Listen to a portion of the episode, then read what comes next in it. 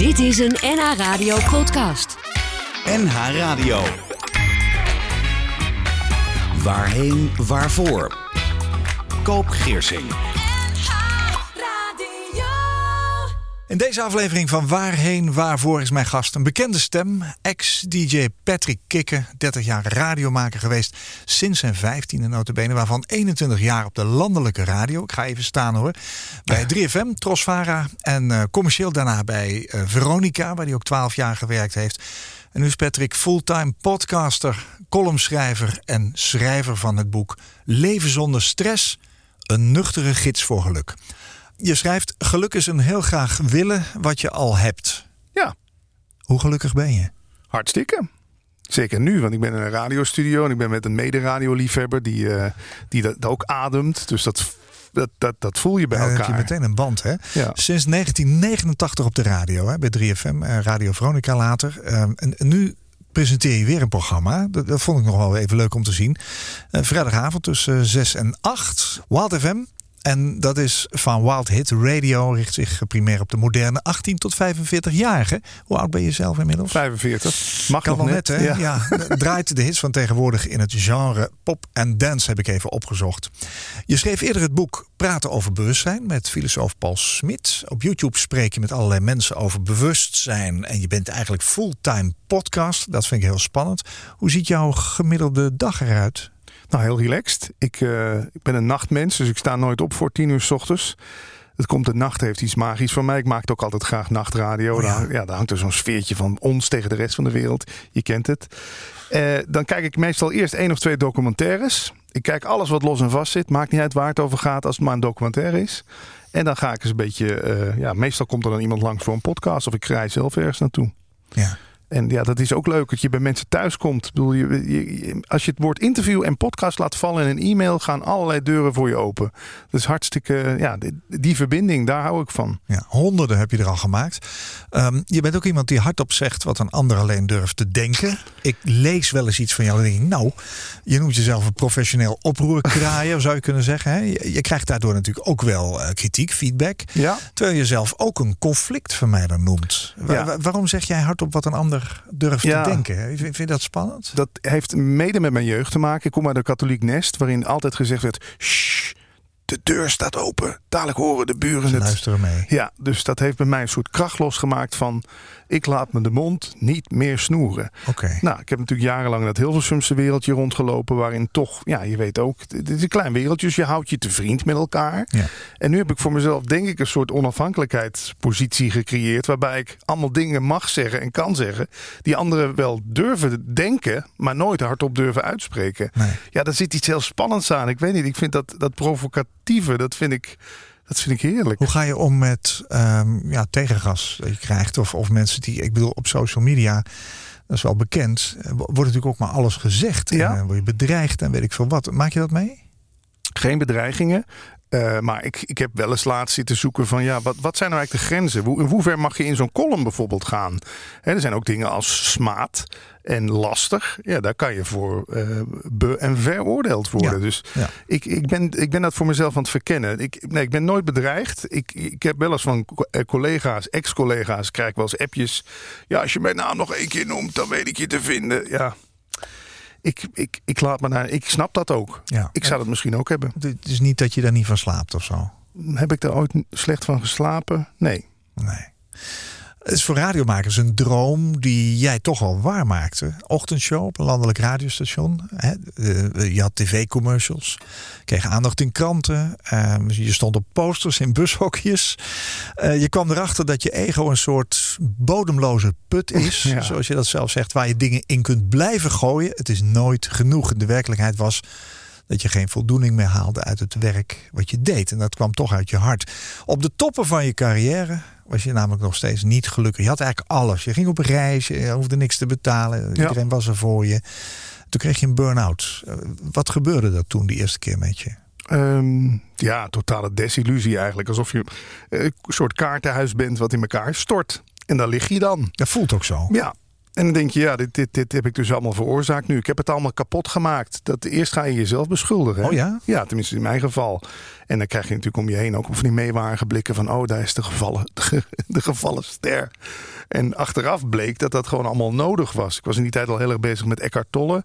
De kracht van het nu. Heeft je dat boek kent? Ja, ik, Ja. ik lees het in jouw boek. Ik heb het boek zelf niet gelezen. Ja, dus- Wie is Edgar Tolle? Eckhart Tolle is wel een beetje de... de de Oprah Winfrey heeft bijvoorbeeld met hem een serie gedaan. Hij is wel een van de bekendste spirituele leraren van Amerika. Je hebt hem En- gesproken ook. Ik heb hem mogen Ja. interviewen. Ja, dat is, was een mooie bekroning op alles wat ik van hem gelezen en gezien had. Eigenlijk moet ik eerlijk zijn dat dat hele spirituele pad, wat ik, daar, wat ik al aan het volgen was, heeft mede die burn-out veroorzaakt. Dus ja, dat, dat, Leg eens uit. ja, nou, als je dus heel erg leeft vanuit je ego, vanuit je ideeën van wie je bent, er komt een stroming voorbij die zegt: ja, maar onderzoek dat nou eens. Is dat wel werkelijk wie je nog bent? Of is dat maar gewoon een idee wat je over jezelf bent gaan geloven? Daar was je toen al mee bezig. Daar was ik toen al mee bezig. Dus die, Ja. eigenlijk die spirituele zoektocht heeft mijn burn-out een soort van versneld. Anders had ik misschien nog wel gewoon jarenlang gedacht: ja, maar dit kan ik niet opgeven. Hier moet ik mee door blijven gaan. Ja, ja. En We nu- horen veel over een burn-out. Wat, wat, wat betekende dat voor jou? Hoe, merkt, hoe wist je dat je het had? Ja, namelijk? ik begon een harde pieptoon in mijn oren te krijgen. Tinnitus noemen ze dat met een chic Ja. woord. Dus ik zat met een fluitende oor achter de computer een mailtje te tikken aan mijn toenmalige baas. Van ja, sorry, het gaat even niet. Want ik, ik, ik krijg heel erg last van mijn oren. Ik slaap slecht. Ik, ik durf bijna niks meer. Ik durfde op een gegeven moment bijna niet eens meer naar de supermarkt. En dat is voor veel mensen die een burn-out hebben wel herkenbaar. Dat je gewoon denkt, nee, dan komen ze van alle kanten met karretjes op me Ja. af. En eh, dan moet ik bij de kassa. En dan prikkels. ja, en prikkels en licht. En hoe druk wordt het daar? En vind ik alles wel? En nee. Nou, dat was het signaal. En ja, dan, maar ik ben toen eigenlijk alweer te snel begonnen na vier maanden weer. Want ik, ja, je weet hoe het in de radiowereld gaat. Voordat je het weet is er geen plek meer over. Dus toen ben ik maar weer gauw gauw op vrijdagavond wat uurtjes radio gaan maken. Ja. Ja. En toen kreeg ik van mijn baas te horen, ja, maar wat je nu zit te doen, eh, het is net alsof je een writersblok hebt. Je zit, je zit zeg maar op safe te spelen. Waarvan ik weer zei, ja, maar dat is toch niet raar. Want als je toch net, als je als sporter bijvoorbeeld heel erg geblesseerd bent geraakt, dan ga je in het begin toch ook, dan ga je in het begin toch val je op je reserves terug en op je, op je zekerheidjes. Dus ja, dat was een moeilijk, moeizaam proces. Ja, ja. Je sloot je op thuis. Je, de bel ging af. Je telefoon nam je niet op. Ja, ja. Dat moet een hele nare tijd geweest zijn. Die tweede burn-out, een aantal jaren later. Wat deed je toen? Ja, toen deed ik het nog eens goed over, zullen we maar zeggen. Maar toen was er ook geen houden meer aan. Want toen had ik, had ik ook een andere baas. Nou, we kennen hem allebei, Erik de Zwart. En die, die maakte daar eigenlijk, achteraf gezien ben ik hem dankbaar, maakte de korte metten mee. Die zei, ja, maar als je dit een tweede keer gebeurt... Dan, is het, dan moet je toch eens bij jezelf te raden gaan of dit nog wel iets voor jou is. Waarschijnlijk heeft hij gelijk. Ja, hij heeft hartstikke gelijk. Alleen Ja. dat wilde ik natuurlijk niet horen. Ik wilde gewoon horen van kom zo snel mogelijk weer terug. Ja. Want ik voelde me ook een soort van onmisbaar. Dat is natuurlijk het nadeel als je ergens 10, 12 jaar lang bij dezelfde club hebt gewerkt. Je gaat je onmisbaar wanen. Je gaat denken, ik ben, hier, ik ben onderdeel van de DNA hier. Ik kan hier toch niet. Ze kunnen niet zonder mij. Maar ja, dat bleek eh, niet waar te zijn. Nee, was dat een harde waarheid? Ja, ja, want ik had me helemaal geïdentificeerd. Ik was natuurlijk, ik was Veronica geworden of zo. Dat was zo'n gewoon, nu nog. En Nu is het een beetje, maar in de eerste paar jaar dat ik bij Veronica weg was, dus ik zag dat het slecht ging met de club in de luistercijfers of er was veel kritiek op, voelde ik me ook nog steeds aangevallen. Ja, Terwijl ik er helemaal niet meer werkte. Ik dacht, Hoe kan dat nou? Ja, nou ja, identificatie. ja. Je schrijft, er is niet zo erg als succes. Vooral omdat het nooit genoeg is. Je merkt dan alles dat het tijd was om je leven echt anders in te richten. Wat, wat heb je gedaan?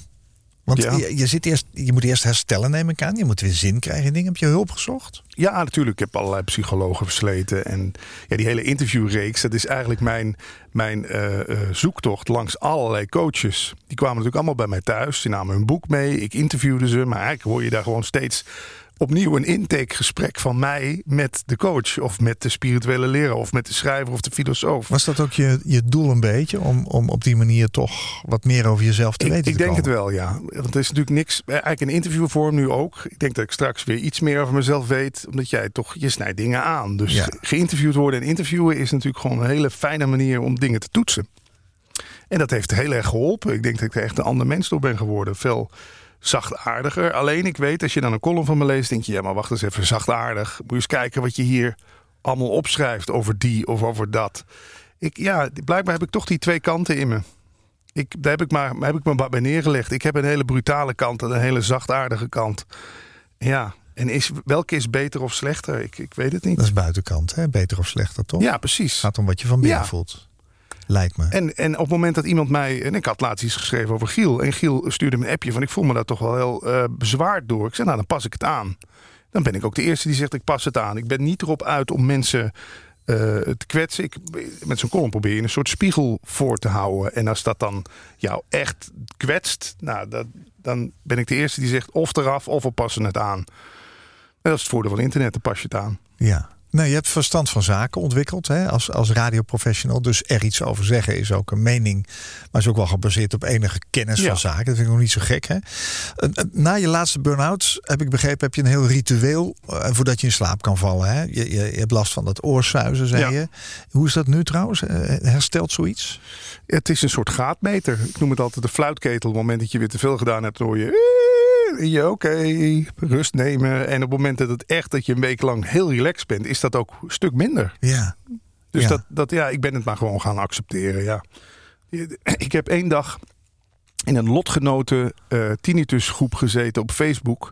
Ja, daar werd ik gillend gek. Toen dacht ik, ik heb ineens lotgenoten. Ik ben een patiënt. En ik ging het ook tien keer zo hard horen. Nee, ja. dit moet niet. Kun je het sturen ook? Want het heeft dus duidelijk, denk ik, te maken met, met stress of druk. Ja, je, sturen, nou, ja, beïnvloeden. Kun je het ja. Ja. beïnvloeden misschien wel, ja. ja. Het schijnt ook veel met je voeding te maken te hebben. Het is ook een soort, eh, als ik heel gezond eet, leef, dan is het gewoon een stuk minder. Het is alsof je lichaam gewoon aangeeft. Oh, echt waar? Ja, via je oren van, er zit nu allemaal rot. Je bent te druk en er zit allemaal rotzooi in je lijf. Tenminste, zo leg ik het zelf uit. Of dat wetenschappelijk bewezen is, durf ik ook niet te zeggen. Nee, maar daar moet jij het mee doen dus. Daar doe ik het mee. Ja, dat begrijp ik. Jouw boek gaat over ontstressen, zullen we maar zeggen. Ja. Allemaal verhalen. Ik vind het heel leuk geschreven, dat wil ik eh, eerlijk zeggen. We Dankjewel. hebben met plezier eh, doorgenomen. Ik vind ook dat er veel mooie verwijzingen aan zitten waar je echt, echt wat aan hebt. Maar het is echt wel jouw persoonlijke verhaal. Hoe voelde stress bij jou? Wat, wat deed dat met je?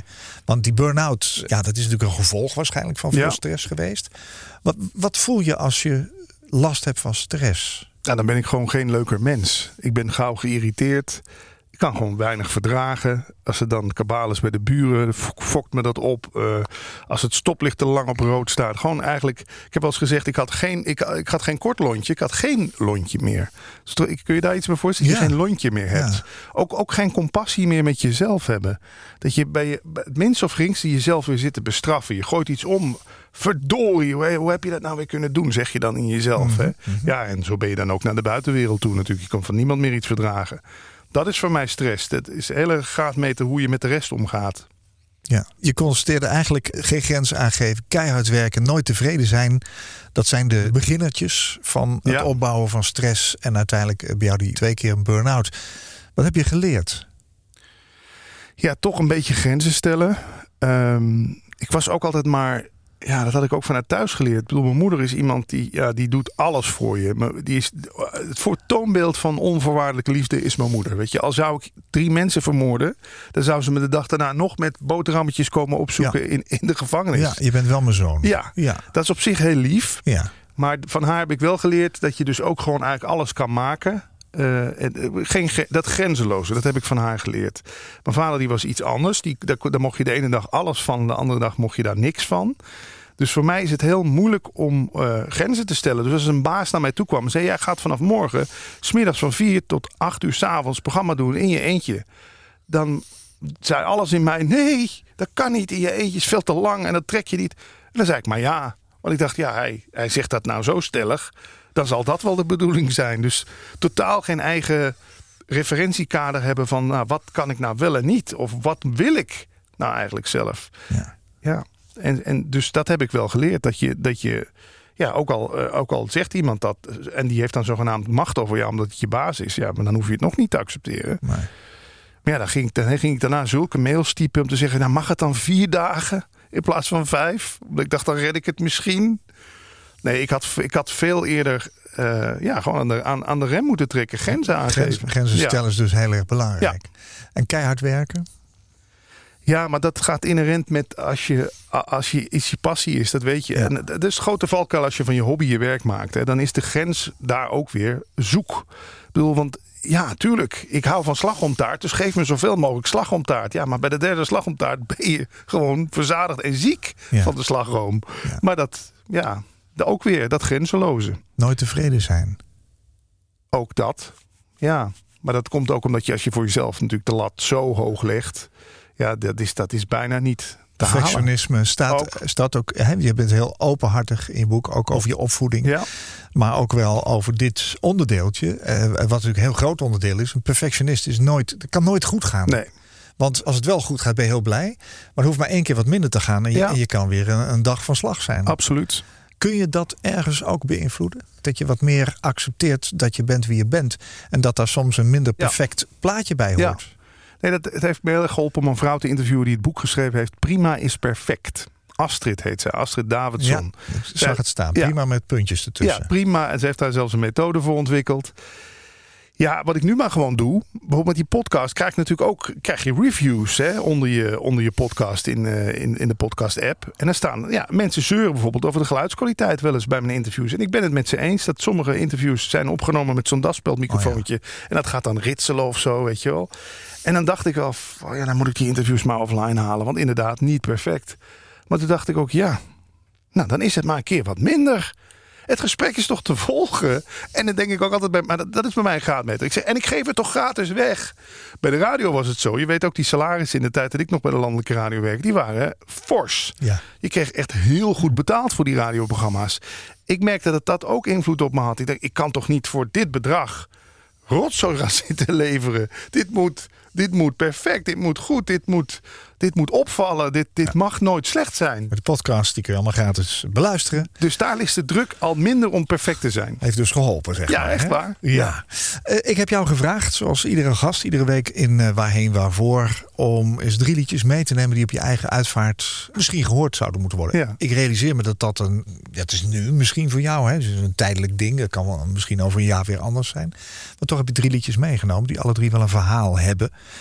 Don't worry, be happy. Ik kan me meteen voorstellen waarom je die gekozen hebt. Maar leg het toch even uit. Ja, oh, ik, ik, kan me zo voorstellen dat iedereen daar toch heel verdrietig gaat zitten zijn bij zo'n. eh, ik denk dat het toch een. Ja, het wordt een begrafenis. Eh, en ja, met zo'n nummer breng je weer wat lucht erin. En ja, inderdaad, zorgen maken is het grootste deel van de, van de stress. Hè? Het Eckhart Tolle legt dat zo mooi uit. Je bent eigenlijk nooit. In het nu is er nooit een probleem. Je bent altijd bezig met iets wat al geweest is of iets wat nog komen gaat. Nou, Bobby McFerrin eh, zingt daar mooi over.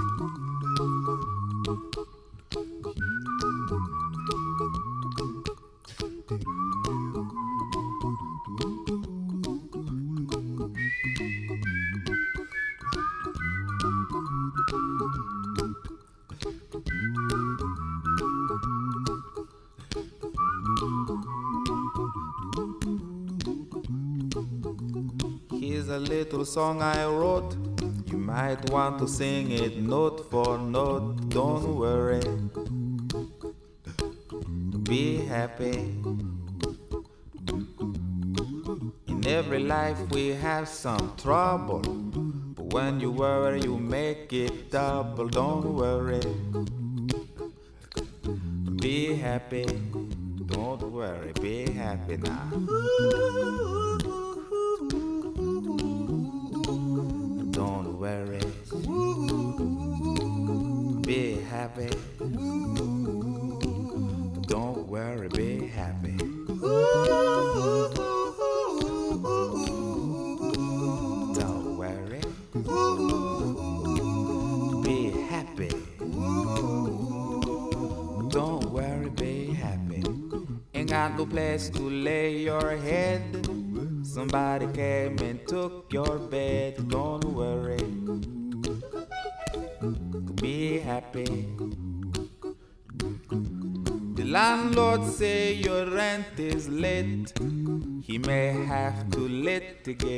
But don't worry.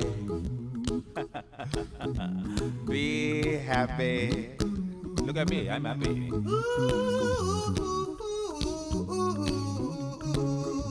Don't worry. Be happy. I give you my phone number. When you worry, call me. I make you happy. Don't worry.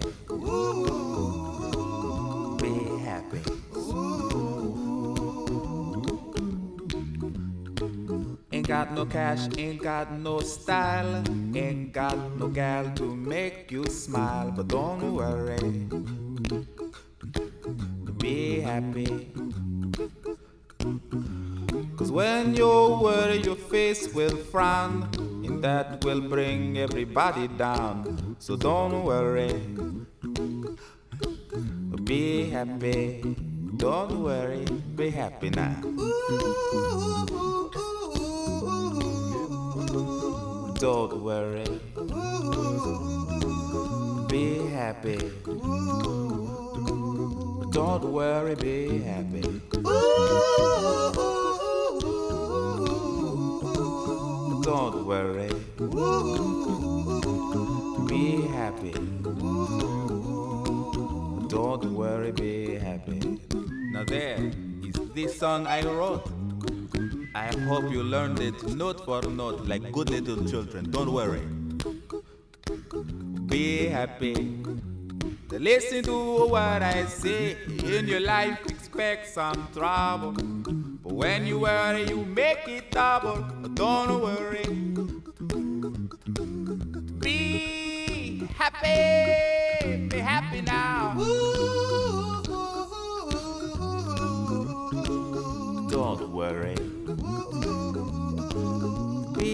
Happy. Don't worry, be happy.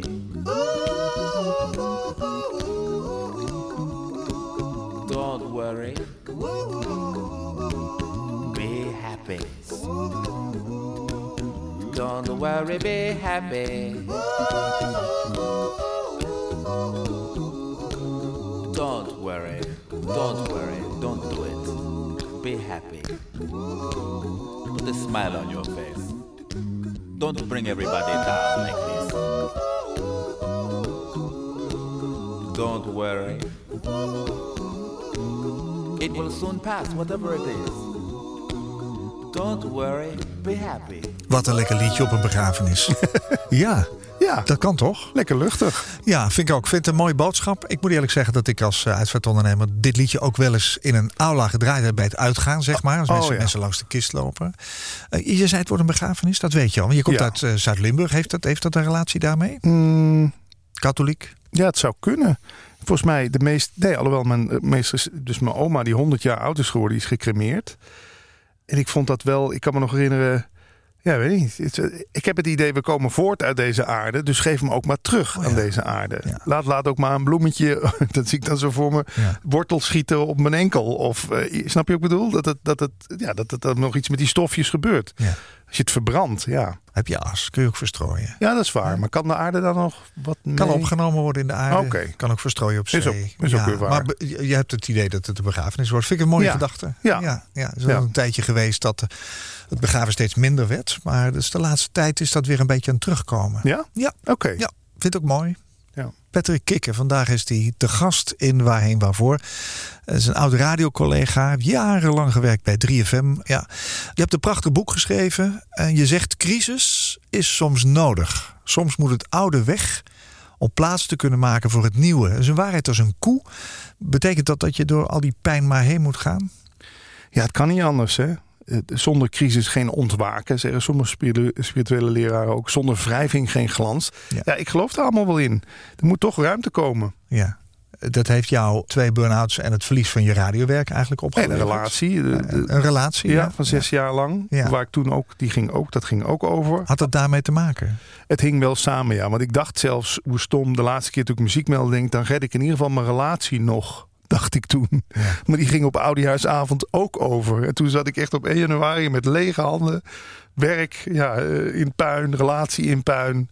Het enige wat nog had kunnen gebeuren is dat mijn auto gestolen werd en dat het huis afbrandde. Dan was echt alles Ja. eh, in puin geweest. Wat doet dat met een mens? Wat deed dat met Patrick Kikker? Ja, het brengt heel veel angst omhoog. Want je wil natuurlijk. Kijk, dat, maar ik kwam er wel achter. Ik hield vast aan het oude, wat gewoon niet meer bij mij paste. Dus ja, op een gegeven moment slaat het bestaan het dan maar gewoon uit je handen. hè. Dan, als je, ik zie het bestaan, een burn-out als een soort breekijzer. Van nou ja, je hebt nu al zoveel signalen genegeerd. Nu schoppen we je maar gewoon onderuit. En met we, ja, dan noem ik dan maar even het bestaan. God, bewustzijn, weet ik hoe je het wil noemen. De kosmos, het universum, de, de wetten van de natuur, weet ik hoe je het wil noemen. Maar in ieder geval iets zorgt ervoor dat je gewoon niet meer verder kunt. Ja. En ja, achteraf blijkt dat wel nodig, ja. Dat is maar goed geweest, zeg je wel Ja. ergens in Ja. het boek. Ja, Dankzij die burn-outs Dat klinkt alsof, je, alsof het cadeau is geweest. Nou, nou ja. en als je met terugwerkende kracht kijkt, is dat dan een raar woord? Nee, dit, zo zie ik het ook wel. Want anders was ik nog steeds op diezelfde voet doorgegaan. En had ik waarschijnlijk nog in die relatie gezeten. Die niet meer eh, allebei de kanten vervulde. En had ik nog met, met hangende pootjes iedere dag naar Veronica gereden. om maar weer Summer of 69 aan te kondigen van Brian Adams. Die ik zelf totaal niet meer kon horen. Nee, nee. Nee. Je hebt inmiddels honderden podcasts onder de titel Leven zonder stress gepubliceerd. Waarin je met een gast praat over zaken als, en dan komen ze: stress, geluk, zingeving, geld, seksualiteit, burn-out, depressie, angst, liefde, status, ego, werk, meditatie, denken, ontspanning, verdriet, vreugde, vrije wil, lijden, pijn, plezier, relaties, ziekte, geloof, goeroes Opvoeding, therapie, talent, conflicten, humor, bewustzijn. Je hebt het allemaal goed samengevat. Boeddhisme, zen, yoga, mindfulness en meer. En, en nu is dus dat boek Leven zonder stress Uitgegeven bij eh, Cosmos. Een zoektocht naar antwoorden over geluk, liefde, zelfvertrouwen, geldangst, stress en rust. Het is nogal wat. En je deelt, zoals je als radiomaker ook natuurlijk je muziek deelt en wat je te zeggen hebt deelt met je luisteraar. Maar je deelt inzichten uit die podcast met de lezer. Dat vind ik heel erg mooi. Je hebt dus echt iets mee gedaan. Hoe heeft het boek jou zelf geholpen? Ja, dat heeft heel veel gedaan weer. Dat bracht inderdaad nog een laatste restje perfectionisme omhoog weer. Hè? Want ja, wanneer is een boek nou af? Dat weet je niet. Wanneer is een schilderij klaar? Ja, dat, Dat, dat, nou, ik moest samenwerken met mensen van de uitgeverij. Ik moest samenwerken uh, met mensen aan het boek. Moest, was dat lastig dan? Ja, dat, dat is voor mij, voor mij als solist. Ik ben wel een beetje een solist. Is dat, uh, is dat, was dat weer een, hel, een hels proces, ben ik al eerlijk in. Maar uiteindelijk goed dat dat weer aan de oppervlakte kwam. Want dan weet ik dus ook, ja, dat, dat, ja, dat is wie je bent. Je bent nou eenmaal iemand die snel denkt. Die, al, die eigenlijk al bezig is met, ja, maar we moeten naar hoofdstuk 6. Terwijl iedereen nog met hoofdstuk 1 bezig is. Ja, dus toch vertragen, geduld hebben, begrip tonen. En af en toe is een conflictje en dan wordt dat weer gesust. En, ja. ja. Het maken van het boek leverde eigenlijk ook weer stress, op. Hè? Je zegt dan op een gegeven moment hoe je gevormd bent als kind, krijg je er niet snel meer uit. Nee. Toen dacht ik, ja, maar ligt daar dan bij jou die oorzaak van zaken als eh, perfectionisme, moeilijk kunnen samenwerken in teamverband, ja. waardering willen krijgen? Is, is dat. Absoluut. Nou, het perfectionisme heb ik van mijn ouders gekopieerd. Mijn vader en moeder waren ook als er een foutje gemaakt werd in het huis. Nou, nou, nou. En meer van zichzelf. Hè? Mijn moeder die kon gewoon, weet niet, dan, mijn moeder maakte een kopje koffie voor je en dan zette ze dat neer. En dan kwam ze al roerend aanlopen eerst. Hè. Zette ze het neer, liep ze weg, kwam ze terug. Oh nee, het lepeltje moest toch? Het lepeltje moest zo. En dan liep ze weer terug. Het lijkt ook wel schattig, maar het, ja, het heeft ook iets dwangmatigs. Ja, ja iets uh, compulsiefs noemen ze dat, OCD-achtigs. Ja, ik zag dat als voorbeeld. Dus dwangmatig, dus, ja, ja, ja. Ik denk, het moet dus blijkbaar allemaal perfect. Nou, wat was het tweede alweer waar we het over hadden? Nou ja, het, het feit dat je uh, samenwerken met, met een groep in teamverband, dat je dat lastig vindt, eh, hoort dat een beetje bij, bij jou? Of ja, waar lagere school was ik altijd de beste van de klas. Hadden ze me in die tijd een klas hoger of twee klassen hoger gezet, zodat ik wel moest samenwerken met anderen en ook eens eens een keer moest vragen: hoe zit dit? Weet jij dit misschien? Nee, ik was altijd de gevierde jongen op de lagere school die altijd, oh Patrick zal wel weer een tien hebben was heel leuk, maar wat leer je daar? Je leert daar als je ergens de beste in bent, word je gewaardeerd, krijg je liefde, krijg je cadeautjes en aandacht. En je leert daar van, nou, ik heb eigenlijk niemand anders nodig, want ja, het is toch zo invullen, het is allemaal zo makkie. En ja, zo leg ik het zelf maar uit. Ik, geef, wil nu niet wijzen naar het schoolsysteem, zo is dat toen maar eenmaal gegaan. Maar daar heb ik wel geleerd van, ja, je hebt eigenlijk niemand nodig, je kan dat toch in je eentje. Wat, wat, en dan wordt dat een soort van gevormd. En dan blijkt dat ook nog bij de radio te kunnen. Want je weet ook, in principe kunnen wij als radiomaker gewoon in ons eentje zo'n radioprogramma doen. En hebben feitelijk niemand nodig. Nee, nee, nee, dat herken ik wel. Ja. ja. Maak jij de podcasts om te leren om te gaan met je eigen leven? Absoluut. Ja, een soort handleiding. En ik toets dan dingen en iedereen beïnvloedt, beïnvloedt me ook weer. Denk, oh, laat ik dat eens gaan uitproberen. Of laat ik dit eens een keer doen. Of dat eens een keer doen. Dus ja, het, mijn vriendin zegt wel eens van ja, je hebt nu al zoveel mensen gesproken, word je daar niet compleet onzeker van? Want de een zegt toch van je hebt wel vrije wil, de ander zegt er is geen vrije wil, de een zegt van uh, succes is een keuze, de ander zegt succes is een leugen. Ja, ja ik, weet, ik vind het wel lekker om daar een beetje tussendoor te laveren of zo. It's a mad world. It's a mad world. All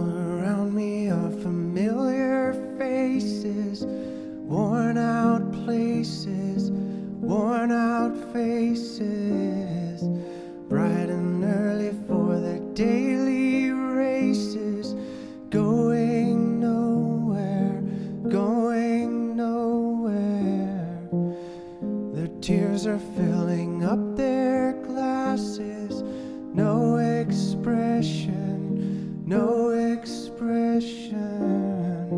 Hide my head, I wanna drown my sorrow.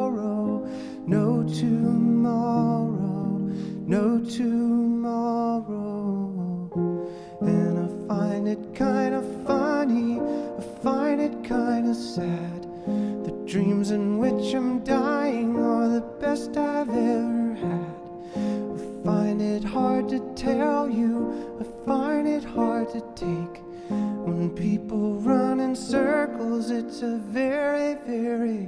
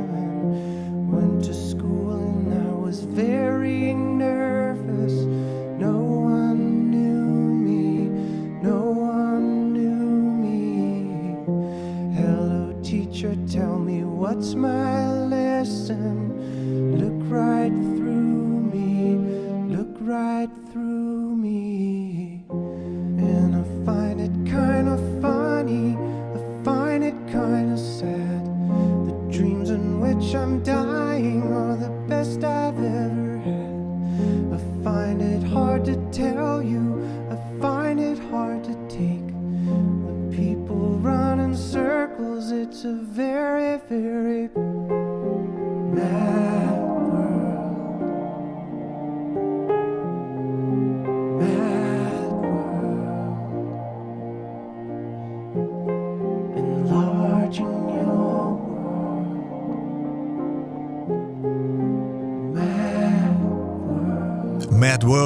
van Gary Jules. Ja, eigenlijk staat er nog bij featuring Michael Andrews. In je boek haal je de tekst aan, Patrick, van dit Mad World. En er staat ook nog een stuk tekst bij. And I find it kind of funny. I find it kind of sad. The dreams in which I'm dying are the best I've ever had. Wat vertelt dit verhaal wat jou betreft? Tja, ehm, dit komt eigenlijk door een film. Ik ken je het origineel van dit nummer ook? Van Tears for Fears? Het is, Ja, ja, ja, ja. ja. En dat zit in de film Donnie Darko. En dat is zo'n beetje mijn favori- Geweldige film trouwens. Ja. Dat is mijn favoriete cultfilm alle tijden. Ik krijg weer kippenvel als ik eraan denk. Ja. Die film, ja, ik weet niet, die heeft zoiets mystieks, iets mysterieus. En dit nummer komt daarin voor. En dit, als ik dan eh, dit nummer weer hoor, brengt me dat gewoon meteen weer helemaal in die sfeer. Ja. En ja, die, die tekst, ja, de dood en dromen, dat heb ik natuurlijk ook onderzocht in mijn spirituele zoektocht. Misschien dat het me daarom raakt. We leven ook wel een beetje in een mad world. hè? Ja. Nou, dat is wat, wat eh, ik uit India heel erg haal. Daar beweren ze in een bepaalde filosofie, de non-dualiteit filosofie, dat deze wereld eigenlijk maar gewoon een droom is. Dat deze wereld een soort verleiding is om jou weg te houden van wat je werkelijk bent. En de- om niet meteen te filosofisch en te spiritueel te worden, maar laten we er even vanuit gaan dat we allemaal liefde zijn. Mhm. Dan geeft het de wereld ons de hele dag voorbeelden van wat niet liefde is. Ja. Ik schiet jou Ja. neer, eh, ik, ik, ik beroof jou, allemaal dingen die niet liefde zijn. En er wordt gezegd, ja, dat is allemaal Maya, de illusie, de verleiding om jou te doen geloven dat wij niet in essentie liefde zijn. Dus een soort tegenkracht. En ja, dat, ik weet niet, ja, deze wereld is natuurlijk ook feitelijk, als je kijkt, een beetje gekke huis. Met allemaal maar rennen, rennen, rennen. En, en nooit genoeg. En altijd proberen elkaar iets af te pakken. En zodra we bij dat liefdesstuk komen, ja, dan ontspannen we. En dan denken we, oh, dat wereld is zo gek nog niet. Ja, die, dat wipwappen steeds tussen liefde en niet-liefde. Dat is wel een beetje mijn, eh, Ja. ja. mijn Ja. ding geworden. En misschien ook wel het nu, het verleden en de toekomst. Ja. Hè? Gaan we het zo over hebben. Even, even nog terug naar die, die stress. Ik wil zo meteen natuurlijk aan jou vragen of je zonder stress leeft. Eh, maar goed, het antwoord op het feit dat jouw boek natuurlijk ook wel weer stress op heeft geleverd, is, is eigenlijk het antwoord daarop. Jouw grootste stressfactor, zei je, was je ego. Wat heb je nu veranderd daarin? En kan dat zomaar? Want als je ego Ehm, ik bedoel, dat is ook aangelegd, denk ik wel Ja. eens. Vanuit eh, vroeger, vanuit Ja. je vroegste vroeger. Wat kun je daar zelf in beïnvloeden en hoe heb jij dat gedaan? Nee, ik heb geleerd daar een soort van alert op te zijn gewoon. En dat wil niet zeggen dat ik er nooit meer inschiet. Ik bedoel, natuurlijk, als, als ik nu eh, zie dat het mijn laatste column 10.000 keer gelezen is, dan, gaat, dan staat mijn ego staat op de stijgers. Hè? Ja, Hoera! zie je nou? Tien, ja. Zie je nou hoe, hoe jij er nog toe doet of hoe we er nog toe doen? Maar ja, dat, dat, dat, dat, diezelfde kracht is er ook een week later bij als die volgende column maar duizend keer gelezen wordt. Ja, ik zei het toch. Wat is dat toch? Je had dit niet moeten schrijven. Weet je, iedereen kent dat stemmetje wel. Die soort innerlijke criticus die we in ons hebben. Ja, hoe meer je ook luistert naar de jubelverhalen, hoe harder de niet-jubelverhalen ook binnenkomen. Dus ik, ik, ik verblijf heel vaak op een punt dat ik denk, ja, of mensen je nou eh, bejubelen of bekritiseren. Het is eigenlijk gewoon allebei hetzelfde. Het, het zegt eigenlijk niks over wie jij werkelijk Nee, bent. we leven in een omgeving waar dat ook steeds gestimuleerd wordt. het, ja. Die prestatiecultuur. hè. En daarom helpt het mij zo om die documentaires te kijken. Dan zie ik een aantal boeddhisten die een hardloopwedstrijd organiseren. En die zeggen dan: Ja, maar jullie in Nederland, jullie belonen alleen de eerste die over de finish komt. Ze hebben toch allemaal dat stuk afgelegd? En dacht ik, ja, zo kun je er natuurlijk ook naar kijken. Iedereen verdient een medaille, want iedereen heeft op zijn of haar tempo, op zijn of haar beste kunnen, die 500 of 1000 meter afgelegd. Ja. Je vertelde straks dat we kijken heel vaak naar het verleden. We kijken heel vaak naar de toekomst, Ja. maar vergeet het nu. Hoe is het nu met jou? Nou, lekker. Ik, ja, ik denk van nou, zometeen misschien nog een bakje koffie. En eh, ja, voor de rest vind ik het een eh, aangenaam gesprek. En ja, in het nu is eigenlijk, ja, wat is er aan de hand? Eigenlijk feitelijk, ja, als, nu, als de boel zou instorten, dan zouden we vanzelf naar buiten rennen. Ik noem Ja, maar wat. Maar dat is weer naar Dat is weer toekomst. kijken. Ja, ja. Non-dualiteit. Dat is de naam van jouw YouTube-kanaal. Ja, klopt. Daar zit dat een beetje in. Wat kunnen we leren van die zienswijze? Want die kijkt heel erg naar het nu. Hè? Ja, ja non-dualiteit zet, als je daar feeling voor hebt, zet het je wereld helemaal op zijn kop. Eh, Non-dualiteit zegt eigenlijk dat de wereld 180 graden anders is dan wij denken. Wij denken nu dat we twee poppetjes zijn die in een radiostudio zitten, zo lijkt het. Maar zijn wij niet het ene bewustzijn waarin een poppetje genaamd Koop, een poppetje genaamd Patrick, een computer, een mengtafel, de hele studio verschijnt. Het is een uitspraak van oude Indianen ook. De wereld, ik kom niet in de kamer, nee, de kamer verschijnt in mij. Wow, dan denk je, maar hoe kan nou een kamer in mij verschijnen? Ja, als je jezelf ziet als het ene wat alles bekijkt, zullen we maar zeggen. Ja, dan is er ook geen onderscheid meer tussen jou en mij. Vandaar het woord non-dualiteit, geen tweeheid. Alles verschijnt in jou, dus alles, ja, in feite ben je dan ook alles. Zet het jouw wereld op zijn kop? Ja, nee, absoluut. Dat, sinds ik dat woord gehoord heb, is, is er een wereld voor me opengaan. Er blijken heel veel sprekers over te zijn, boeken. Het komt dan uit India. Hè. Daar is die filosofie eh, een soort van jaar, duizenden jaren terug is dat ontstaan. Ik, noem het ook wel eens een werkbaar model. Ik wil ook al blijkt over 50 jaar dat er van die hele non-dualiteitsfilosofie niks waard is. Het helpt mij in ieder geval met ah, niet alleen maar met mezelf bezig te zijn. Want als jij, jij, bent op, jij bent op dit moment net even, even belangrijk als ik. Want jij verschijnt toch ook in mij. Dus dan wil ik dat jij het ook fijn hebt. Dus ik vind het ook een hele lieve zienswijze. En ja, daarin kan je dus gewoon veel meer compassie en begrip opbrengen voor alles wat er verschijnt. Ja. Natuur, de planeet, jij en ik. En ja, dat, dat is, ik weet niet, als je daar een soort feeling voor hebt en, en je gaat daarnaar luisteren, het brengt mij op een hele rustige plek van binnen. Een soort vredige, ik noem het ook wel eens het oog van de storm. Die kan van alles om je heen, kan er stormen, maar in het oog van de storm is het rustig. Of als je het vergelijkt met een woeste zee, als je een paar meter dieper gaat, is het gewoon kalm en stil. Dus misschien is alles waar wij ons maar druk over maken, is die, is, is die oppervlakte, is die, zijn die woeste golven die tegen elkaar aanbotsen. Maar zijn we eigenlijk gewoon een soort veilig op die plek onderaan, die het allemaal maar een beetje zit te bekijken en denkt, ja, gaat ook alweer voorbij. En dat is natuurlijk ook zo Ja, in ons leven. ja, jij maakt het natuurlijk in je werk ook dagelijks mee. Ik bedoel, al die mensen die dan heen gaan, zullen we maar zeggen. Ja. Waar, waar zijn de problemen en de financiële dingen en waar ze allemaal zich mee geïdentificeerd hebben? Waar is dat op zo'n moment? Nou, is eigenlijk op een moment dat iemand net overleden is met een familie die eromheen staat ook zo. Niks is meer belangrijk. Ja, Telefoontje doet er niet meer toe. De tijd staat stil. Je hoeft even geen nieuws te kijken. Ja. Televisie, dat zien we wel. Je bent bezig met dat, met dat verdriet, met Ja. dat loslaten, met het overlijden. Ja, dat He- klopt wel. helemaal in het moment. En je hoort dat ook van mensen die de Tweede Wereldoorlog hebben meegemaakt. Die zeggen langs de ene kant was het de rotste tijd van mijn leven. Maar het was ook de meest intense tijd van mijn leven. Want iedere dag kon mijn laatste dag zijn. Dus ik stond helemaal aan. Ik zoog alles op. Ik, ik, ik beleefde alles veel intenser. De zon op mijn huid, de geuren. Dat- Je staat werkelijk aan. Ja. Maar wij hebben natuurlijk voor onszelf verzonnen dat we hier nog voor duizend jaar zijn. Wat niet zo is. Ik bedoel, het kan morgen afgelopen zijn. Dus we, we zijn ook maar aan het uitstellen. Hè. Oh, dat doe ik volgend jaar nog wel eens een keer. Of ach ja, waarom zou ik eigenlijk zo'n duur koffiezetapparaat kopen? Ik kan toch ook gewoon morgen. Ja, nee, doe het nu. Want misschien komt morgen wel niet. Ja, dat zou je ook tegen mensen zeggen, begrijp ik. Nou, ik zeg, eh, alles wat ik nu zeg, zeg ik natuurlijk ook nog eens een keer tegen mezelf. Hè? Want het zijn, voor mij is dat boek ook een soort handleiding. Hè? Van, eh, we- weet je nog even wat toen die en die tegen je zei? Weet je? Eh, Zit je je nou weer druk te maken over dat die belastingbrief nog niet beantwoord is? Of even weer een reminder van, het gaat om nu. Nu alles opzuigen wat er is. Ja. Nu gaan we naar jouw begrafenis. Dit hoop ik voor jou nog heel erg lang. Ja. Want eh, volgens mij geniet je van het leven. Je hebt wel een heel bijzonder nummer nog toegevoegd aan je top 3. Vertel er even iets over zonder de titel te noemen. Ja, nou, het lijkt mij nou zo leuk bij mijn begrafenis dat, dat mensen in Polonaise de zaal verlaten. En dan kun je zeggen, ja, wat is dat voor iets clownesks? Maar nou, ik jarenlang natuurlijk ook in die feesttenten gedraaid en zo. Wat is nou... Voor mij was draaien in, in, op drive-in shows en zo was ook een hele spirituele eh, bijeenkomst. Want mensen komen binnen, hebben allemaal nog hun ikjasje aan, weet je, durven zich niet goed te verbinden met anderen. Jij kan door middel van die muziek eenheid creëren. En ik ging niet naar huis voordat die hele feesttent op zijn kop stond en iedereen Polonaise liep en mensen hadden het leuk en stonden met elkaar te shiitake te dansen. En dat was echt mijn manier van iets openbreken en die eenheid creëren. Nou, dat lijkt me nou zo is dat bij mijn begrafenis ook gebeurt.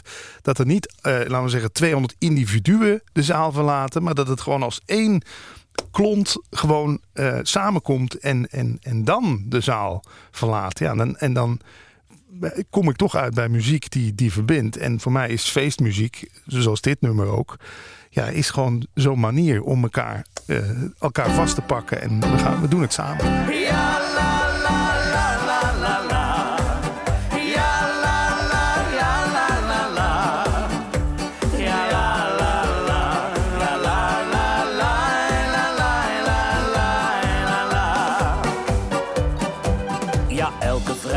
Het raak, dan eet ik weer patat. En daarna ga ik een borrel halen bij ons in de stad. En als ik s'nachts naar huis toe ga, shawarma onderweg.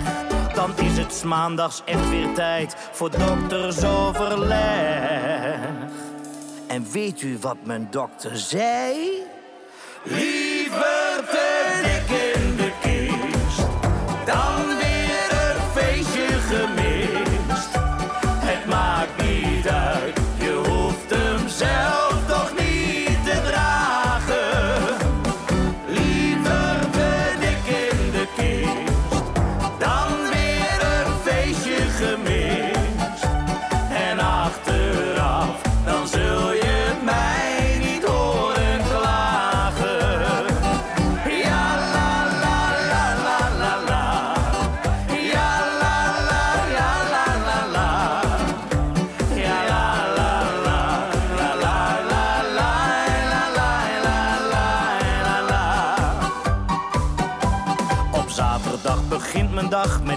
met chips en zware check. En als ik dan weer honger krijg, nog even langs de Mac. En daarna naar de voetbal toe, ik sta weer buitenspel. Ik ben het beste in de derde helft, ja dat begrijpt u wel. En weet u wat mijn trainer zei?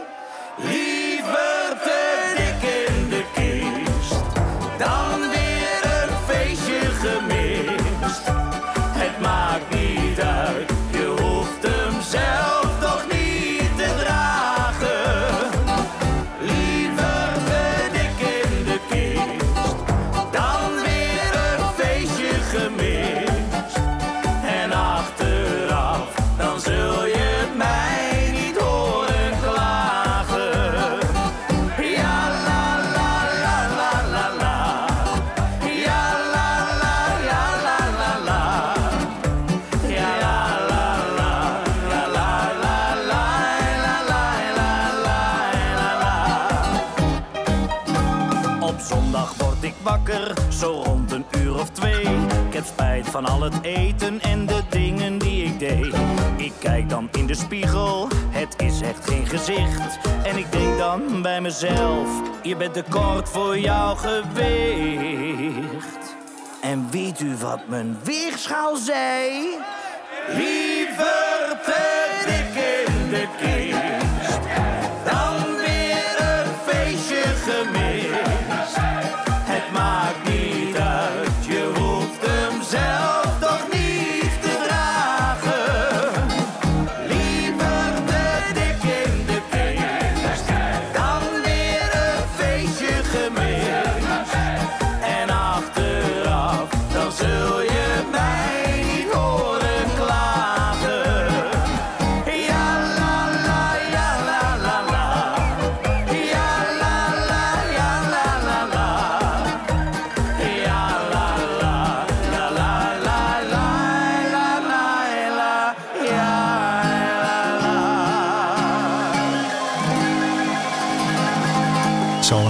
zitten. Hè?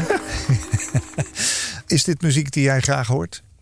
Nou, vooral graag draaien. Als, eh, ik doe het niet vaak meer, dat draaien. Maar ja, zo'n nummer, dat zet zo'n hele tent in beweging. Dat Grappig ik- dat je, je bent dan eh, eigenlijk eenzaam op zo'n plekje met je muziek. ja.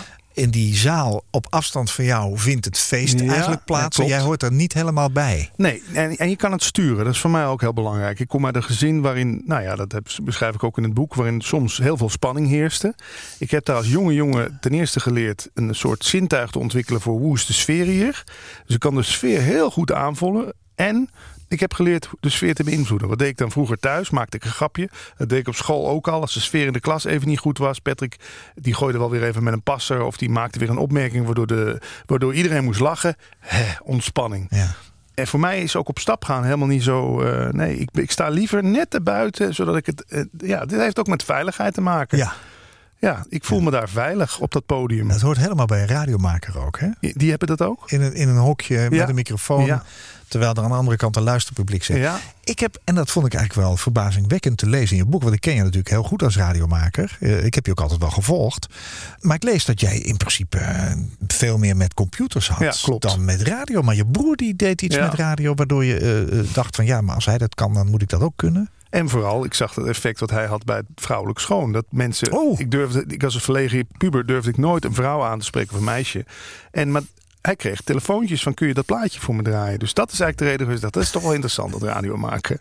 Maar het paste ook wel goed bij me. Want ik was natuurlijk al een beetje een eh, ja, iemand die graag eh, op de voorgrond trad. Ja. Maar inderdaad wel op een veilige manier, zoals je zegt. Ja. Eh, Je vindt je leven leuker geworden, schrijf je, dankzij je burn-out. Ik heb het al eh, gezegd. Eh, Dat vind ik heel mooi. Hè? Een cadeau. Eh, een, een moeilijk cadeau, vind ik. Je moet het uitpakken. Ja. Maar je hebt het wel gedaan. Wa- Wat is je doel nog in het leven? Waar, waar zou je nog naar streven? Ja, dat is een goeie. Is dat te ver in de toekomst? Nou, of juist de, het doel is om doelloos te leven. En ik weet dat dat uitgelegd wordt als. ehm, ik moet denken aan het beeld van Moeder Maria. Hè, Om er toch nog even iets gelovigs in te gooien. Katholiek. Ja, die staat zo, met haar armen open. Ik leg dat uit als wat komt, dat komt. Dus eh, eh, dat is mijn doel eigenlijk. Uiteindelijk gewoon alles durven omarmen wat, wat eraan zit te komen. Bijvoorbeeld mijn auto is 15 jaar oud. Die moet dadelijk in februari gekeurd worden. Kan ik me nu heel erg zorgen maken. Dadelijk wordt die afgekeurd. Maar als ik dan denk aan moeder Maria die zo staat. Nou, dan wordt die afgekeurd. En dan? Misschien Misschien dan nog. Misschien wordt het dan, krijg je er een andere auto. Misschien ga je wel eens een jaar leven zonder auto. Misschien ga je dan wel met openbaar vervoer en denk je, wat is dat fijn. Dus om maar in te zien dat ik, ik weet niet wat goed voor mij is. Eh, Een boek waar ik nu heel erg druk mee ben, heet Een cursus in wonderen. Ik weet niet of je het boek kent, het is een heel dik boek. Er komt heel veel eh, eh, christelijke terminologie in voor. Maar ook daarin is de essentie weer, jij weet niet wat goed voor je is. Je kan denken, mijn auto moet goedgekeurd worden. Maar dat weet je helemaal niet zeker. Misschien moet die auto wel afgekeurd worden. Net zoals toen die radiocarrière voorbij moest zijn en die relatie. Zodat er ruimte komt voor iets anders. En nou, als er één doel is, dan is dat mijn doel. Gewoon eh, het, het leven omarmen zoals het komt. En ja, volgens mij begon deze uitzending ook met uh, C'est la vie, said the old folks. You never can tell. Nou, dat, dat is het gewoon. We hebben de arrogantie dat wij denken dat we het leven helemaal kunnen sturen en maken. Maar ja, laten we dat op zijn minst toch eens een keer aan durven twijfelen. Zullen we dat maar doen? Ja. Dat vind ik een goeie. In deze aflevering van Waarheen Waarvoor was Patrick Kikken mijn gast. Hij is fulltime podcaster en schrijver van het boek Leven zonder stress. Een nuchtere gids voor geluk, uitgegeven bij Cosmos. Waarin hij schrijft, onthoud, er is niets mis met jou. Hoezeer het ook stormt in je bovenkamer, hoezeer de omstandigheden in je leven ook op zijn kop staan, iedereen worstelt met deze dingen. Dat jij er nu openlijk vooruit komt dat je last hebt van stress, is alleen maar moedig. Wat een mooie boodschap. Het leven is een avontuur, geen volledig verzorgd reisje. Het is een boek wat je makkelijk leest. Patrick Kikke, dank je wel voor je boek, voor je inzichten, voor je coming out. Want eigenlijk heb je hiermee ook naar buiten gebracht dat je een gevoelig mens bent. Mm. Eh, twee keer een burn-out gehad. Je hebt het overleefd, je bent verder en je hebt een keus gemaakt om een bepaalde weg op te gaan. Dank voor het delen Ja. van je verhaal. Dan koop jij dank voor de ruimte en een leuke vraag. Koop Geersing. Als jij een keer te gast wilt zijn in Waarheen Waarvoor om te vertellen over jouw levensreis, laat me dat dan weten via waarheenwaarvoor.nhradio.nl. Waarheenwaarvoor.nhradio.nl. Dit was een NH Radio podcast. Voor meer, ga naar nhradio.nl. Radio.